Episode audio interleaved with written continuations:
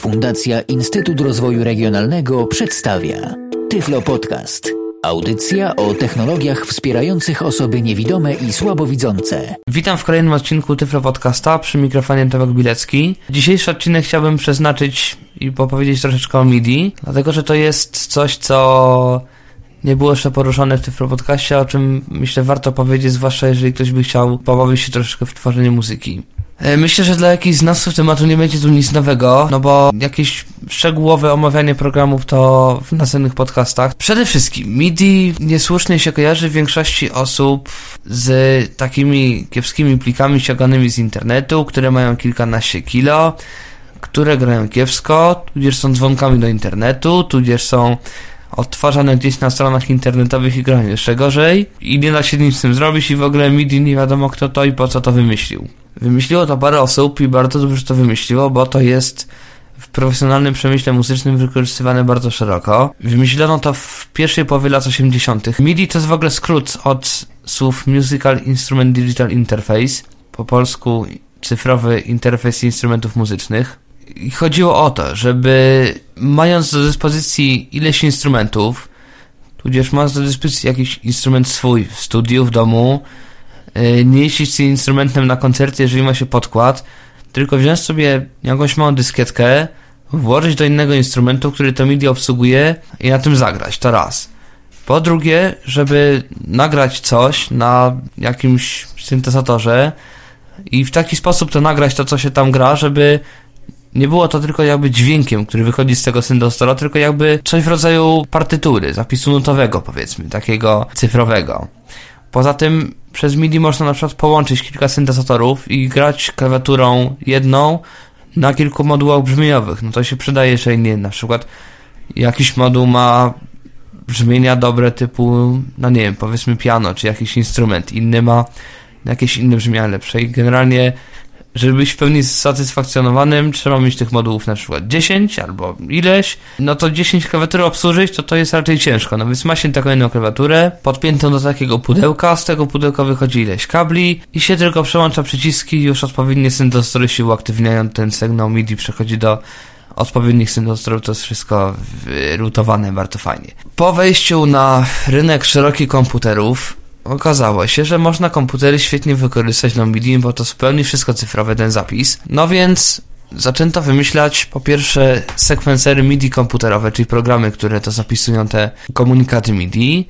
W zasadzie w dzisiejszych czasach każdy komputer, przynajmniej systemem Windows, ma taki pokładowy, no niestety kiepski syntezator, taki moduł brzmieniowy, który odtwarza takie pliki. No Zwłaszcza kiedyś, kiedy te dyski miały po 50 mega czy coś koło tego, no to wielkość pojedynczego pliku miała jakieś znaczenie. No bo jeżeli to był Wave, no bo jeszcze wtedy 15 lat temu z formatem MP3 to było tak raczej ciężko. No ale no nawet ten MP3 no to miało kilka mega, no a taki plik MIDI to miał kilkanaście kilobajtów. Dokładając to, że czasami jeżeli chciało się mieć na stronie taką wybajeżoną, żeby coś jeszcze grało, no to z łączem telefonicznym taką MP3, no to tak kiepsko, znaczy, no oczywiście można to zakodować w 32 kilobitach, no ale nawet dla 56 kilobitowego łącza to to jest jakiś wydatek. Natomiast jeżeli 3 minuty pliku MIDI zajmuje, nie wiem, 30 kilo, no to te transfery mogą być zdecydowanie niższe. Druga świetność MIDI, no to była wtedy, kiedy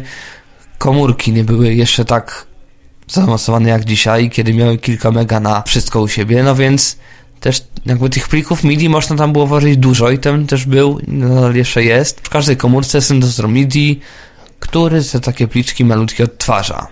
To jaki dźwięk uzyskamy przy pomocy pliku MIDI, no to zależy właśnie, jak już wspomniałem, od posiadanego syntezatora. Jeżeli mamy do dyspozycji tylko komórkę i tylko wbudowany w system syntezator, no to jakby nie ma się co dziwić, że to MIDI jest uważane za taki format, który w zasadzie nie wiadomo dlaczego powstał. Natomiast praktycznie ma bardzo duży sens, to się przydaje zwłaszcza na przykład przy komponowaniu muzyki, przy odtwarzaniu tej muzyki i przy różnych innych rzeczach, no bo komunikatami MIDI można sterować wszystko, byleby zrobić odpowiedni sterownik. Słyszałem o jednym jakimś gościu, który sobie zrobił w domu instalację elektryczną sterowaną przez MIDI i sobie klawiaturą mógł włączać światła w domu. Co w zasadzie to jest MIDI i co ono w ogóle umie?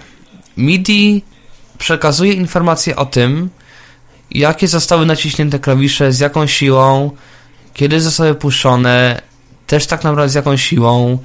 Poza tym jeszcze obsługują kaset, innych komunikatów, które są przeważnie realizowane przez jakieś pokrętła na klawiaturze i one mają jakieś różne inne funkcje, typu dodawanie jakichś efektów, głośności. To zależy od syntezatora. Wgłębiając się w większe szczegóły, są komunikaty o tym, która nuta została wciśnięta. Przy czym tych nut jest 127, co obejmuje 10 oktaw. 10 oktaw to jest tyle, ile w zasadzie słyszy człowiek. Jeżeli najniższym dźwiękiem byłoby TC te 16-20 Hz, to najwyższym by było 16 kHz. Można powiedzieć MIDI, jak mocno ten klawisz został wciśnięty. Poziomów jakby wciśnięcia klawisza jest 128 w MIDI. Ponadto jest taki komunikat, który się nazywa Aftertouch i który określa, co się dzieje dalej. To jest reakcja na docisk jakby. To nie wszystkie klawiatury mają. W jakichś droższych keyboardach, syntezatorach to to czasem się pojawia, zwłaszcza w syntezatorach. To jest coś takiego, jeżeli naciśniemy klawisz i potem dociśniemy go i to całkiem mocno, tak żeby on tak się wgiął tak troszeczkę. Zazwyczaj klawiatury mają taki swój skok taki malutki. On jest zazwyczaj malutki, jest kilka klawiatur, które go w ogóle nie mają. Natomiast jest ten aftertouch. No i teraz tego aftertoucha też tak naprawdę mogą być dwa rodzaje. Dlatego, że może być aftertouch, który działa na wszystkie nuty, to może być wykorzystywany do tego, że nie wiem, na przykład gramy na jakimś instrumencie i chcemy tym aftertouchem włączyć jakiś, nie wiem, filtr, żeby ten dźwięk tak, żeby taki ciemniejszy. No to wciskamy ten klawisz i jakby cała ta nasza partia stara się jakby ściemnia, powiedzmy. Natomiast może być jeszcze aftertouch polifoniczny i to już jest, mówiąc szczerze, w bardzo niewielu klawiaturach sterujących, bo technicznie to jest dużo trudniejsze do zrobienia, który robi tak, że jakby dla każdej nuty możemy wywołać inny aftertouch, że ta nuta może nic nie robić, na tej ten filtr się może włączyć, na tej, na tej też, ale troszeczkę mniej albo troszeczkę więcej, bo tego aftertoucha też jest ileś oczywiście poziomów. No i w związku z tym, że jakby producenci wychodzili z założenia, że nie jest to tylko dla pianistów, to jeszcze może być dynamika tego, jak ten klawisz się zwalnia. Czyli jakby jak szybko ten klawisz puszczamy. Może to też do czegoś być przydatne, chociaż to już w ogóle prawie żadna klawiatura nie ma tego aftertoucha, jakieś strasznie drogie sterujące klawiatury to mają, ale no to są jakieś pojedyncze przypadki na bardzo dużo dostępnych klawiatur w internecie. W zasadzie tyle o nutach. Oprócz tego jest 128 kontrolerów MIDI, czyli takich parametrów, każdy z nich może mieć 128 wartości. To może mieć dowolne skutki w zależności od tego, jak został zaprogramowany moduł brzmieniowy. Zazwyczaj klawiatury sterujące mają opisane, że na przykład ma jakaś tam klawiatura 8 pokręteł programowalnych i 8 suwaków programowalnych. No i to jest to, że można do tego suwaka pokrętła przyporządkować jakiś kontroler MIDI z tych 128 i nim coś tam sterować, jakby, bo w module MIDI powinna być, chociaż nie zawsze jest, podana specyfikacja MIDI, który kontroler o jakim numerze steruje jakim parametrem. No i na tej podstawie można sobie zaprogramować tak klawiaturę w ogóle zupełnie inną, żeby miała funkcję dostępne dla tego syntezatora, dla tego modułu. Oprócz tego MIDI może być 16-kanałowe. Ma jakby w standardzie 16 kanałów. I o co chodzi z tymi kanałami? To już jest większa sprawa, dlatego że jeżeli mamy do dyspozycji sekwencer, to najczęściej się spotkamy, że tam są kanały MIDI i ścieżki MIDI. No i to wbrew pozorom nie jest to samo. Dlatego, że ścieżka MIDI to coś takiego, że włączam rekord, nagrałem jedną ścieżkę. Włączam drugą ścieżkę, tworzę nową ścieżkę i nagrywam tą drugą ścieżkę. Ok, nagrałem sobie dwie ścieżki, na jednej mam prawą rękę, na jedną mam lewą rękę, bo nie umiem grać, powiedzmy. Natomiast każda z tych ścieżek może być grana na tym samym kanale. Kanał MIDI to można by troszeczkę porównać do takiego jakby kanału audio, chociaż też nie do końca, no bo mamy powiedzmy plik jakiś stereofoniczny, czyli on ma dwa kanały, lewy, prawy. Jeżeli nagrywamy coś w jakimś programie typu Goldwave, czy jakikolwiek inny, można na te kanały coś tam jeszcze dodać i coś tam zmiksować, jakiś inny plik, ale można jakby operować tylko na tych dwóch kanałach. Natomiast na tych obu kanałach mogą się znajdować różne dziwne rzeczy. No i tak samo takich kanałów MIDI jest 16. Natomiast tu nie chodzi o kanały audio, że lewy, prawy, nie wiadomo o co, jakiś przedni, tylny, górny, dolny, to nie o to chodzi. Chodzi o to, że na jednym kanale może być grany naraz tylko jeden instrument, w jednym miejscu w panoramie. W jednym momencie na kanale każdy kontroler może mieć tylko jedną wartość, może być tylko jeden instrument, jedno miejsce w panoramie. Oczywiście nut może być ilość dowolna. Natomiast, żeby zagrać 16 instrumentami naraz, trzeba wykorzystać 16 kanałów MIDI, czyli pewną specyfikację. Może być tak, że program Sequencer umie nagrywać na przykład 16 kanałów na jednej ścieżce, a można najczęściej nagrać też na przykład kilka kilka ścieżek na jednym kanale, no bo to są niezależne warstwy, to trzeba wiedzieć, jeżeli się nagrywa MIDI, bo potem to się może pomylić, a to jest ważne, bo jeżeli potem będziemy zmieniać instrument, to się nagle okaże, że jeżeli zmieniliśmy instrument na jakiejś ścieżce, która jest grana razem z inną ścieżką i tu ma być fortepian, tu ma być skrzypce, są na tym samym kanale, to będzie albo to, albo to. Powiedzmy, że zrobiliśmy taki plik MIDI na komputerze, no i przynosimy do innego komputera, no i skąd mamy wiedzieć, że tam jakby zagra nam skrzypce skrzypcami, fortepian fortepianem, perkusją perkusja i żeby, jeżeli ja będę chciał coś ściszyć, to mi to się ściszy, a nie na przykład zrobi mi się w lewym kanale. Dlatego wymyślono kilka takich jakby standardów MIDI. Najpłynniejszym i najpowszechniej stosowany jest General MIDI, GM. Ten standard określa numerację instrumentów, to znaczy, że instrument 000 to jest fortepian, że 01 to jest tam inny fortepian, że 127 to skalowin maszynowy. Jest cała taka paleta instrumentów zdefiniowana, podzielona na 16 takich grup. Najpierw są fortepiany, potem są instrumenty perkusyjne, melodyczne typu wibrafon, dzwonki, ksylofon, dzwony rurowe i tak dalej. Y, organy, gitary klasyczne, elektryczne, basy, akustyczne, elektryczne, smyczkowe, instrumenty blaszane, drewniane i takich kategorii jest 16. Jest ileś kategorii poświęconych brzmieniom syntetycznym. Poza tym, w specyfikacji GM-u dziesiąty kanał jest przeznaczony perkusji, typu stopa, werbel, hi-hat, talerze, bębny różne i tak dalej. Znaczy chodzi o to, żeby na jednej klawiaturze można było zagrać całym zestawem perkusyjnym, no bo jeżeli sobie wyobrazimy perkusistę, no to on nie robi tego tak, że na jednej ścieżce nagrywa tylko werbel, potem siada i nagrywa tylko stopy, tylko ma te dwie pałki w rękach, no i puka w tą perkusję raz na tym, raz na tym. No więc jakby GM też pozwala na takie rzeczy. Poza tym są perkusje elektroniczne. Perkusja elektroniczna jest bardzo często wyposażona w wyjście MIDI, w związku z czym można grając na tej perkusji wysyłać sygnał do jakiegoś tam sekwensera, czy na przykład jakiegoś modułu, który jest lepszy od tego, w który ta perkusja jest wyposażona.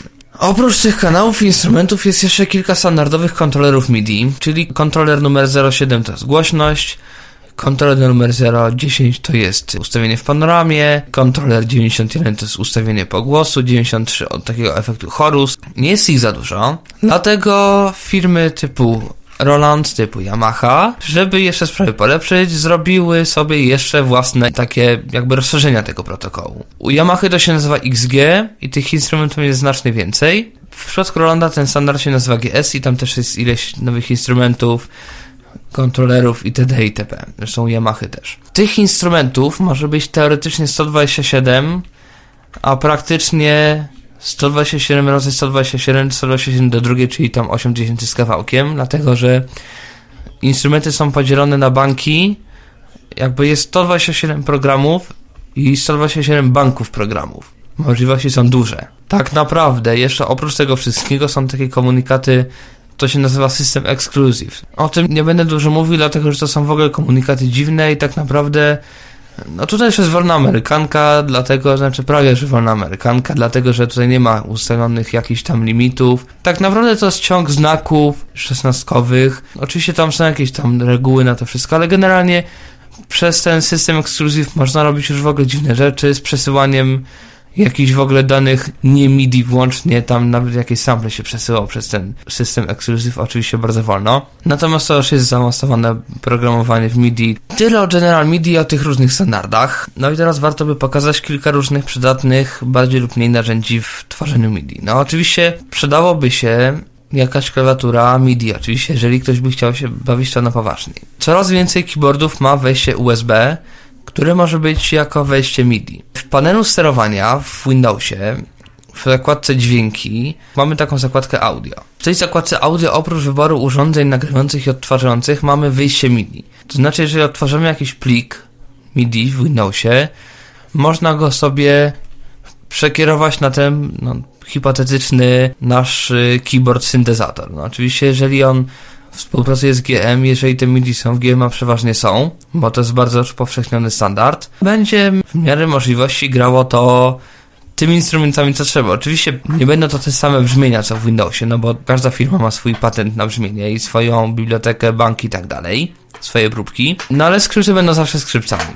Po drugie, jeżeli nie ma syntezatorów wyjścia USB, ale ma wyjście MIDI, co jest już w ogóle bardzo częste w dzisiejszych czasach, poza rzeczywiście jakimiś keyboardami typowo szkolnymi dla dzieci i tak dalej, firmy jakieś Casio czy coś koło tego, no to będzie wyjście MIDI. Wyjście MIDI to jest stara piątka dinoska, jeżeli ktoś wie co to jest. Jeżeli ktoś nie wie, to jest takie duże, wielkie wejście, to nie jest jak jack wejście, tylko to jest takie y, szerokości powiedzmy baterii może paluszka, okrągłe, które najprawdopodobniej jest albo troszeczkę wgłębione, tak na pół centymetra.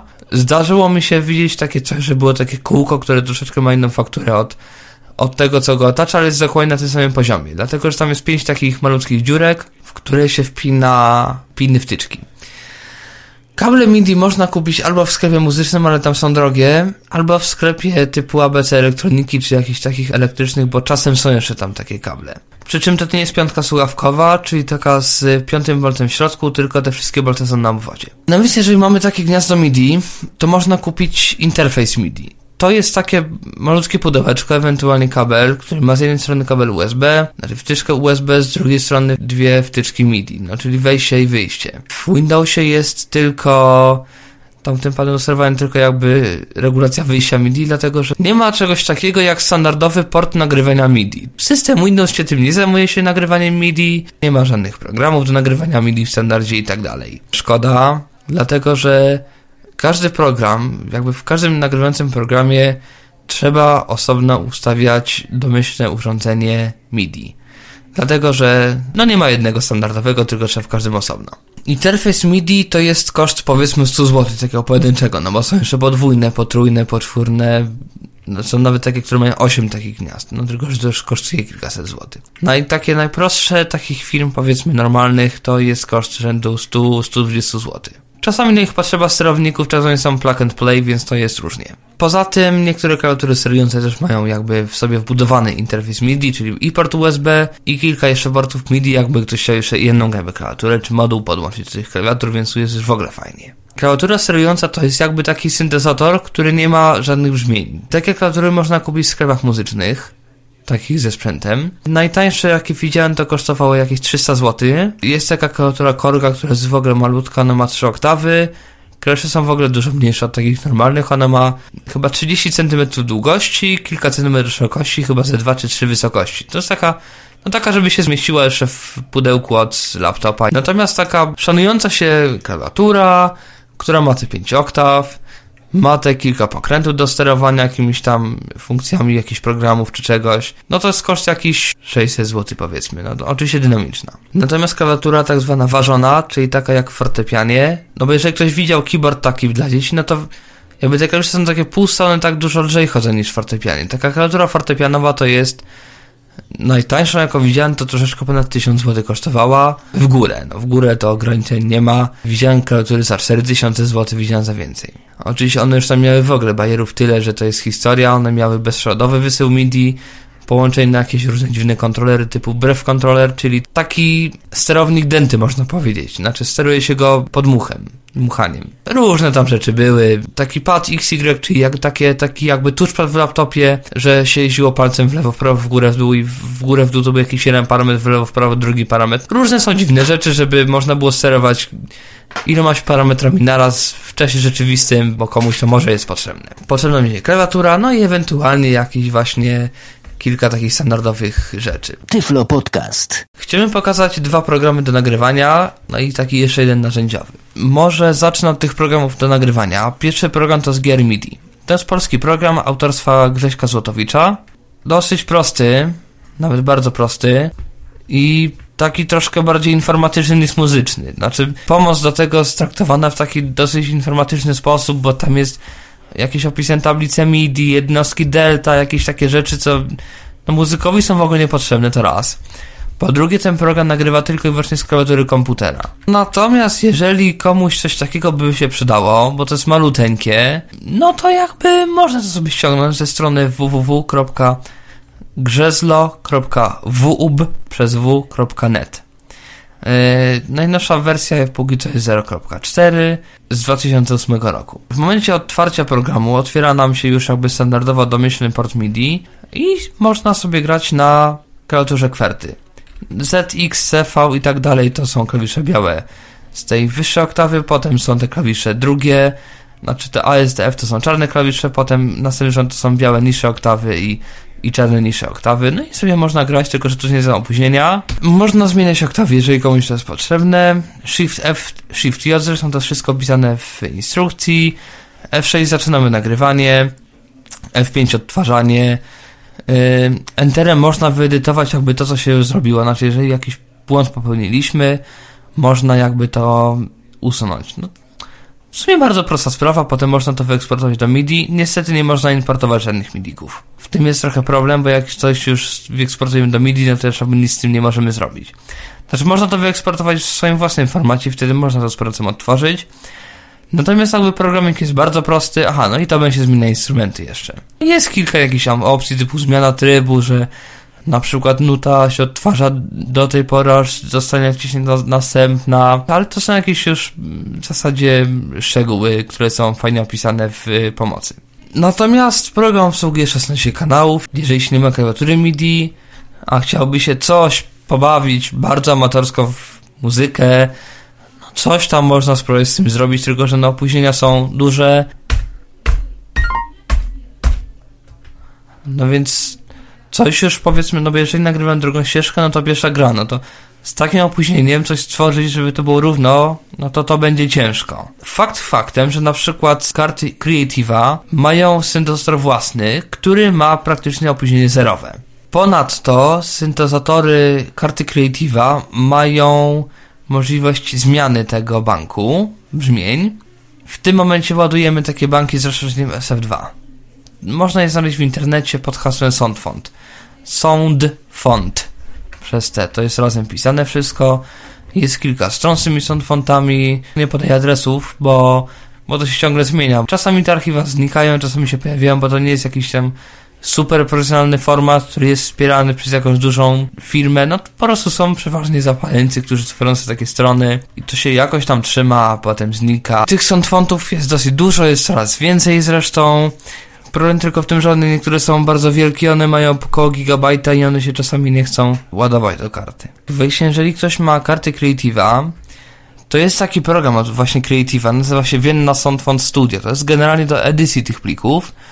Natomiast można jeszcze przy jego pomocy również jakby grać na tych soundfontach. Jeżeli klikniemy Enter na soundfoncie, naciśniemy Enter na soundfoncie zainstalowanym tym programem, on się automatycznie jakby włączy.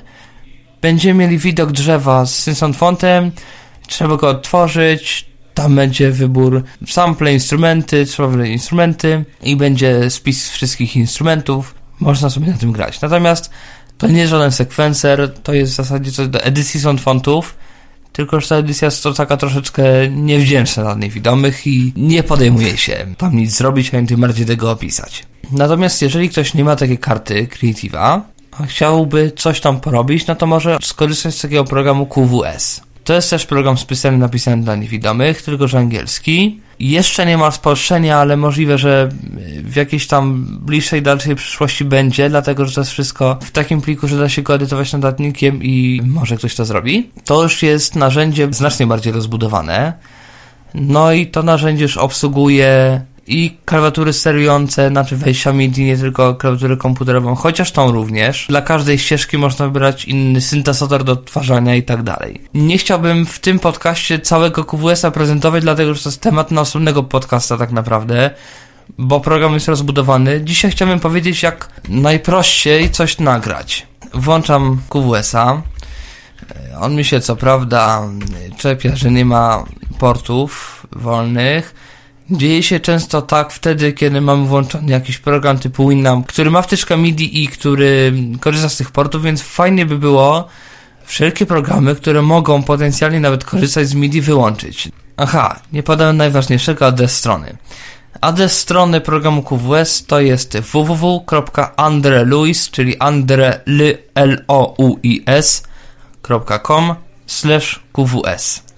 Tam jest dokumentacja angielska, program, jakieś podcasty angielskie OGG, mm, jakieś tam jeszcze inne przydatne rzeczy. Mm, w sumie strona fajna. Zresztą twórca też fajny i w ogóle stronę ma fajną i warto tam w ogóle zaglądać. W momencie otwarcia QWS-a otwiera nam się mm, lista.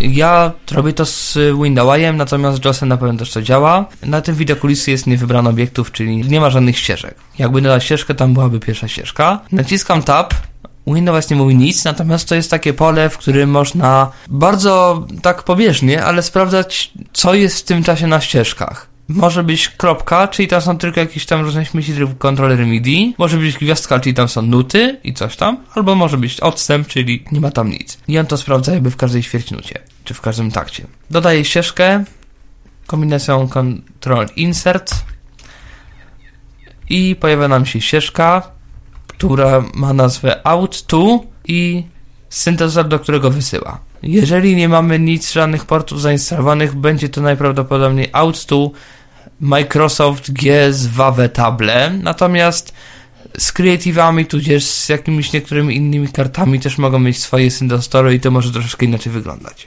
Aby coś nagrać, naciskamy Ctrl R, się nagrywa coś tam. Stopujemy klawiszem spacja, on się pyta, czy aby na pewno coś nagrało, to ma się jakby zapisać w pliku. No jeżeli jesteśmy pewni, to tak, jeżeli zrobiliśmy jakiś błąd, to naciskamy N i tyle. Aby dodać kolejną ścieżkę, naciskamy znowu Ctrl Insert, dodaje się kolejna ścieżka. Aby wejść we właściwości ścieżki, naciskamy Enter. I tutaj mam name, czyli nazwa ścieżki, mogę tu coś wpisać, typu bębny, bas i tak dalej. Mogę wybrać kanał, przy czym ważne jest, że to jest kanał wyjściowy, to znaczy on i tak pobiera ze wszystkich kanałów wejściowych, natomiast wysyła na kanał na przykład 10, czyli to będzie perkusja. Port, czyli jakby ten syntezator, na który to jest wysyłane. Potem jest program. Tu chodzi o wybór instrumentu. Bank też chodzi o wybór instrumentu. Volume, czyli głośność. Pan, panorama, balans, czyli przy to jest brane z specyfikacji MIDI, te parametry. Reverb, czyli pogłos i chorus, to jest też taki specyficzny efekt. To też jest wszystko ze specyfikacji General MIDI wyciągnięte. Jeżeli wszystko nagramy, można to zapisać przez normalny Ctrl S, tudzież y, menu File, Save, tudzież Save As. Oczywiście jest y, całe menu normalnie, więc jakby jeżeli ktoś nie, nie zna skrótów, to może się w tym menu posłużyć. Edycja to jest bardziej skomplikowana nut i myślę, że wszystkie takie bardziej zaawansowane rzeczy opiszę w podcaście poświęconym tylko i wyłącznie QWS-owi, natomiast jakby do takiego najprostszego nagrywania powinno wystarczyć. I jeszcze jest jeden program, który się przyda przy tym, jeżeli byśmy chcieli wykorzystywać technologię VST. O tym w zasadzie też warto powiedzieć, dlatego że przy tworzeniu muzyki to jest fajna rzecz, dlatego że jest sporo darmowych syntezatorów, które mają całkiem przyzwoitą jakość brzmienia. Tutaj też najpierw troszeczkę teorii.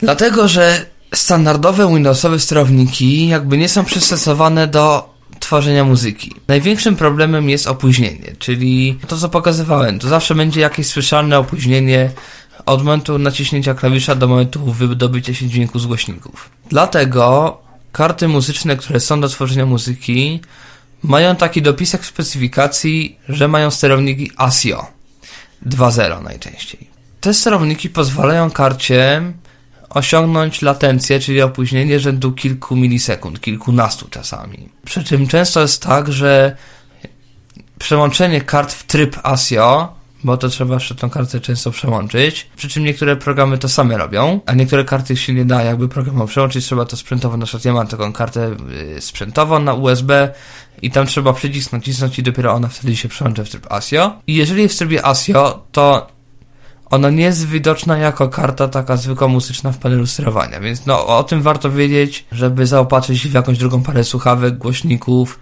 mikser, nie wiem co. No bo syntezator mowy nie będzie przez to szedł w tym momencie. Znaczy, karty na przykład Creative'a, bo one, niektóre karty Creative'a mają ASIO, mm, teoretycznie umiał korzystać z ASIO i z tych Windowsowych sterowników jednocześnie. Natomiast tego nie polecam, dlatego że tam są różne czasami dziwne rzeczy się dzieją, bo czasami nie nagrywa ta karta, pokazuje, że nagrywa, albo nie odtwarza, albo nie odtwarza ASIO. No, lepiej takich rzeczy nie robić. Te karty z ASIO, no to też raczej kupować w takich sklepach muzycznych profesjonalnych.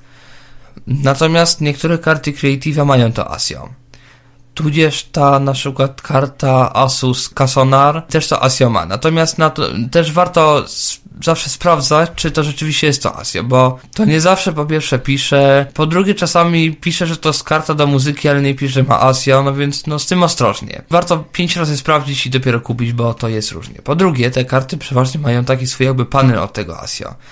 Dlatego, że ASIO jest używane w nieraz bardzo profesjonalnych studiach, gdzie na przykład karta jest wykorzystywana jako wielokanałowy interfejs. Czyli na przykład w takiej karcie jest na przykład 30 wejść i ileś tam wyjść i to trzeba wszystko porutować. Znaczy, że sygnał z wejść jakiś wyjdzie do wyjść jakiś, że tam są jeszcze jakieś wysyłki, auksy i tak dalej, i tak dalej. No i to trzeba robić w programie jakby takim dostarczanym i ten program jest nie zawsze dostępny. W kartach Creative'a ten program w zasadzie jest dostępny, ten zarządzający program. Natomiast jeżeli by ktoś chciał kupować jakby karty firmy też pochodzące od Creative'a, czyli EMU, Creative Professional, to ten program, tak zwany patch mixer, jest całkowicie i dokumentnie niedostępny dla osób niewidomych. Tam się dużo da zrobić i że są fajne karty, często polecane przez realizatorów do takiego domowego użytku, to niestety one są nie do obsługi. Które są, które nie są do obsługi, to też w zasadzie jest dobre pytanie, dlatego że firm takich kart jest dużo jest taka firma M-Audio, która jest, o ile wiem, często polecana jako karta właśnie dostępna dla niewidomych, z tym oprogramowaniem dostępnym dla niewidomych. Powiedzmy, że mamy takie ASIO i mamy ten nasz QWS. Tylko, że problem z tym, no jak mamy wysłać coś na kartę na wirtualny syntezator, no bo albo wyślemy to na syntezator Windowsowy, albo na któryś z tych sterowników MIDI jakby, no, tych zewnętrznych klawiatur MIDI. No można zrobić kabel, podłączyć jeden koniec kabla do wyjścia i drugi do wejścia, i to będzie działało, dlatego że MIDI w zasadzie nie ma jakichś dużych opóźnień, więc powinno to działać. Natomiast jest taki program na stronie www.midiox przez x.com nazywa się MIDI IOK i to jest wirtualny port MIDI. Działa to w ten sposób jak Virtual Audio Cable, czyli jest mm, standardowo cztery porty MIDI, które instalują się w systemie i w momencie, kiedy wyślemy coś na jakiś ten port,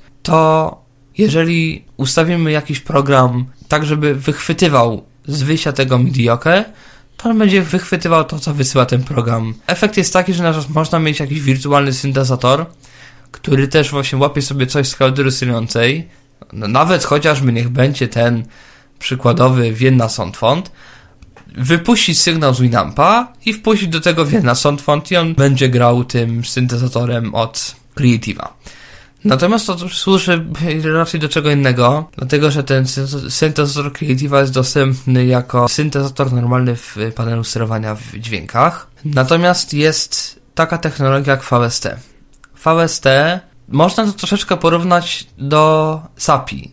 To znaczy SAPI to jest standard syntezatorów mowy. No i wiadomo, że na przykład taki syntok sam z siebie nic nie przeczyta. No musi mieć program typu JAWS Windows żeby coś przeczytać. No tak samo sam JAWS, no też nic sam z siebie nie przeczyta, on musi mieć jakiś syntezator. I tak samo jest VST. VST to jest odpowiednik SAPI, tylko że jakby w odniesieniu do syntezatorów takich modułów brzmieniowych. No i potrzeba do tego programu typu host. Jest taki program VST Host, który w wersji 1.23 jest dostępny dla niewidomych. Problem w tym, że Obecna wersja 1.46 już nie jest dostępna, chociaż ma dużo fajniejsze opcje. Pisaliśmy do producenta tego programu, natomiast póki co nie dostaliśmy żadnej odpowiedzi, będziemy walczyć dalej, ale póki co jest tylko ten program w tej starszej wersji. E, nowsza wersja jest troszkę co prawda dostępna, ale nie ma jakby jednej z ważniejszych rzeczy, czyli jakby edycji parametrów instrumentu.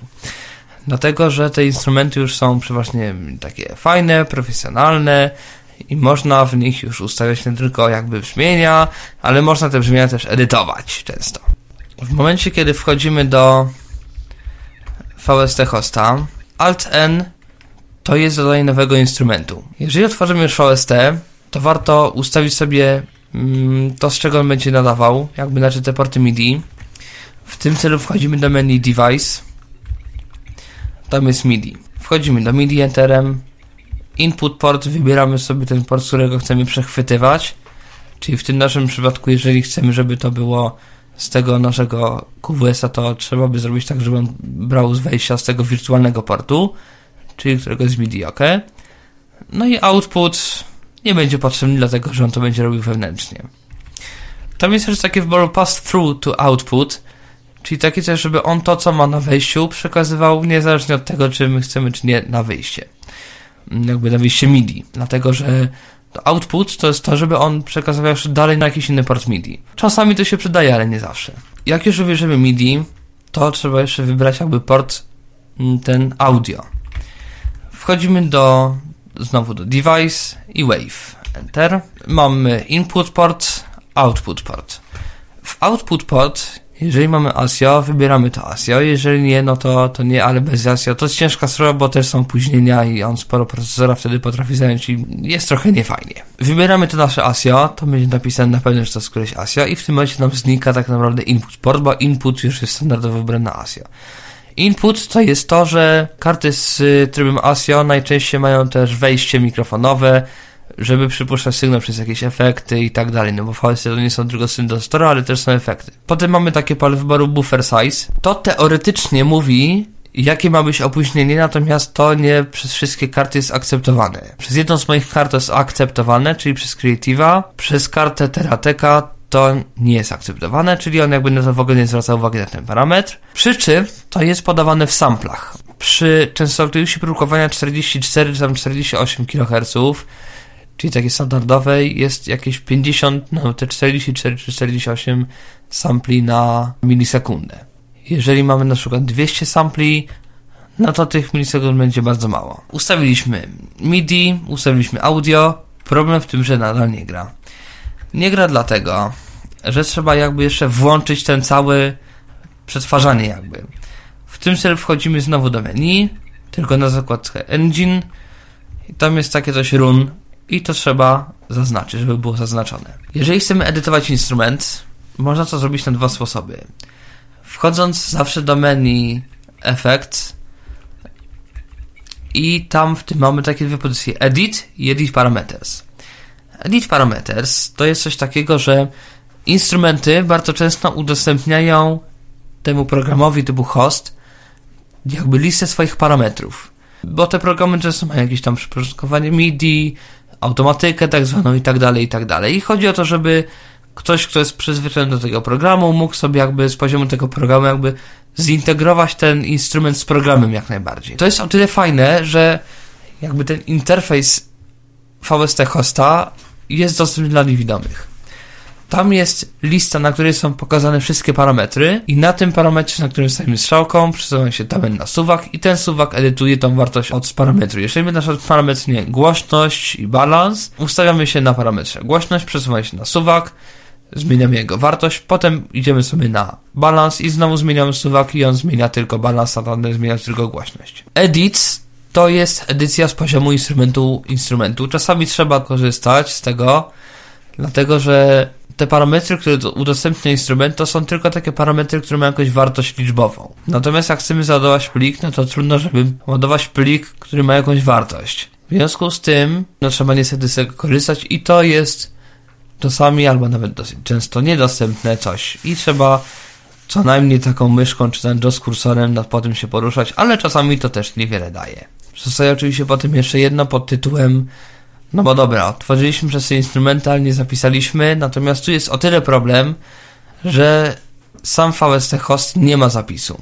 No więc tutaj trzeba rzeczywiście podłączać przez wyjście zewnętrzne karty do wejścia karty. Niektóre karty typu Creative mają takie coś, że Windows czasami zbierze dźwięk z tego ASIO, ale nie zawsze. Bardzo często może się okazać, że jest tylko ta możliwość. Były swego czasu oczywiście podcasty o skryptach do takiego programu jak Sonar. No i to rozwiązuje o tyle te wszystkie problemy, bo tam jest to wszystko naraz. Host do instrumentu VST, sekwencer MIDI bardzo rozbudowany i tak dalej. I to jest fajna rzecz, tylko niestety droga. Natomiast te programy, o których ja tutaj mówiłem, to jest wszystko za free. I gier MIDI, QWS, i VST Host, i MIDIOKE to jest wszystko za darmo. Instrumenty VST sporo jest za darmo. Chyba największa taka strona, co prawda angielska, o instrumentach i efektach VST, to jest www.kvraudio.com. Strona jest wielka, ogromna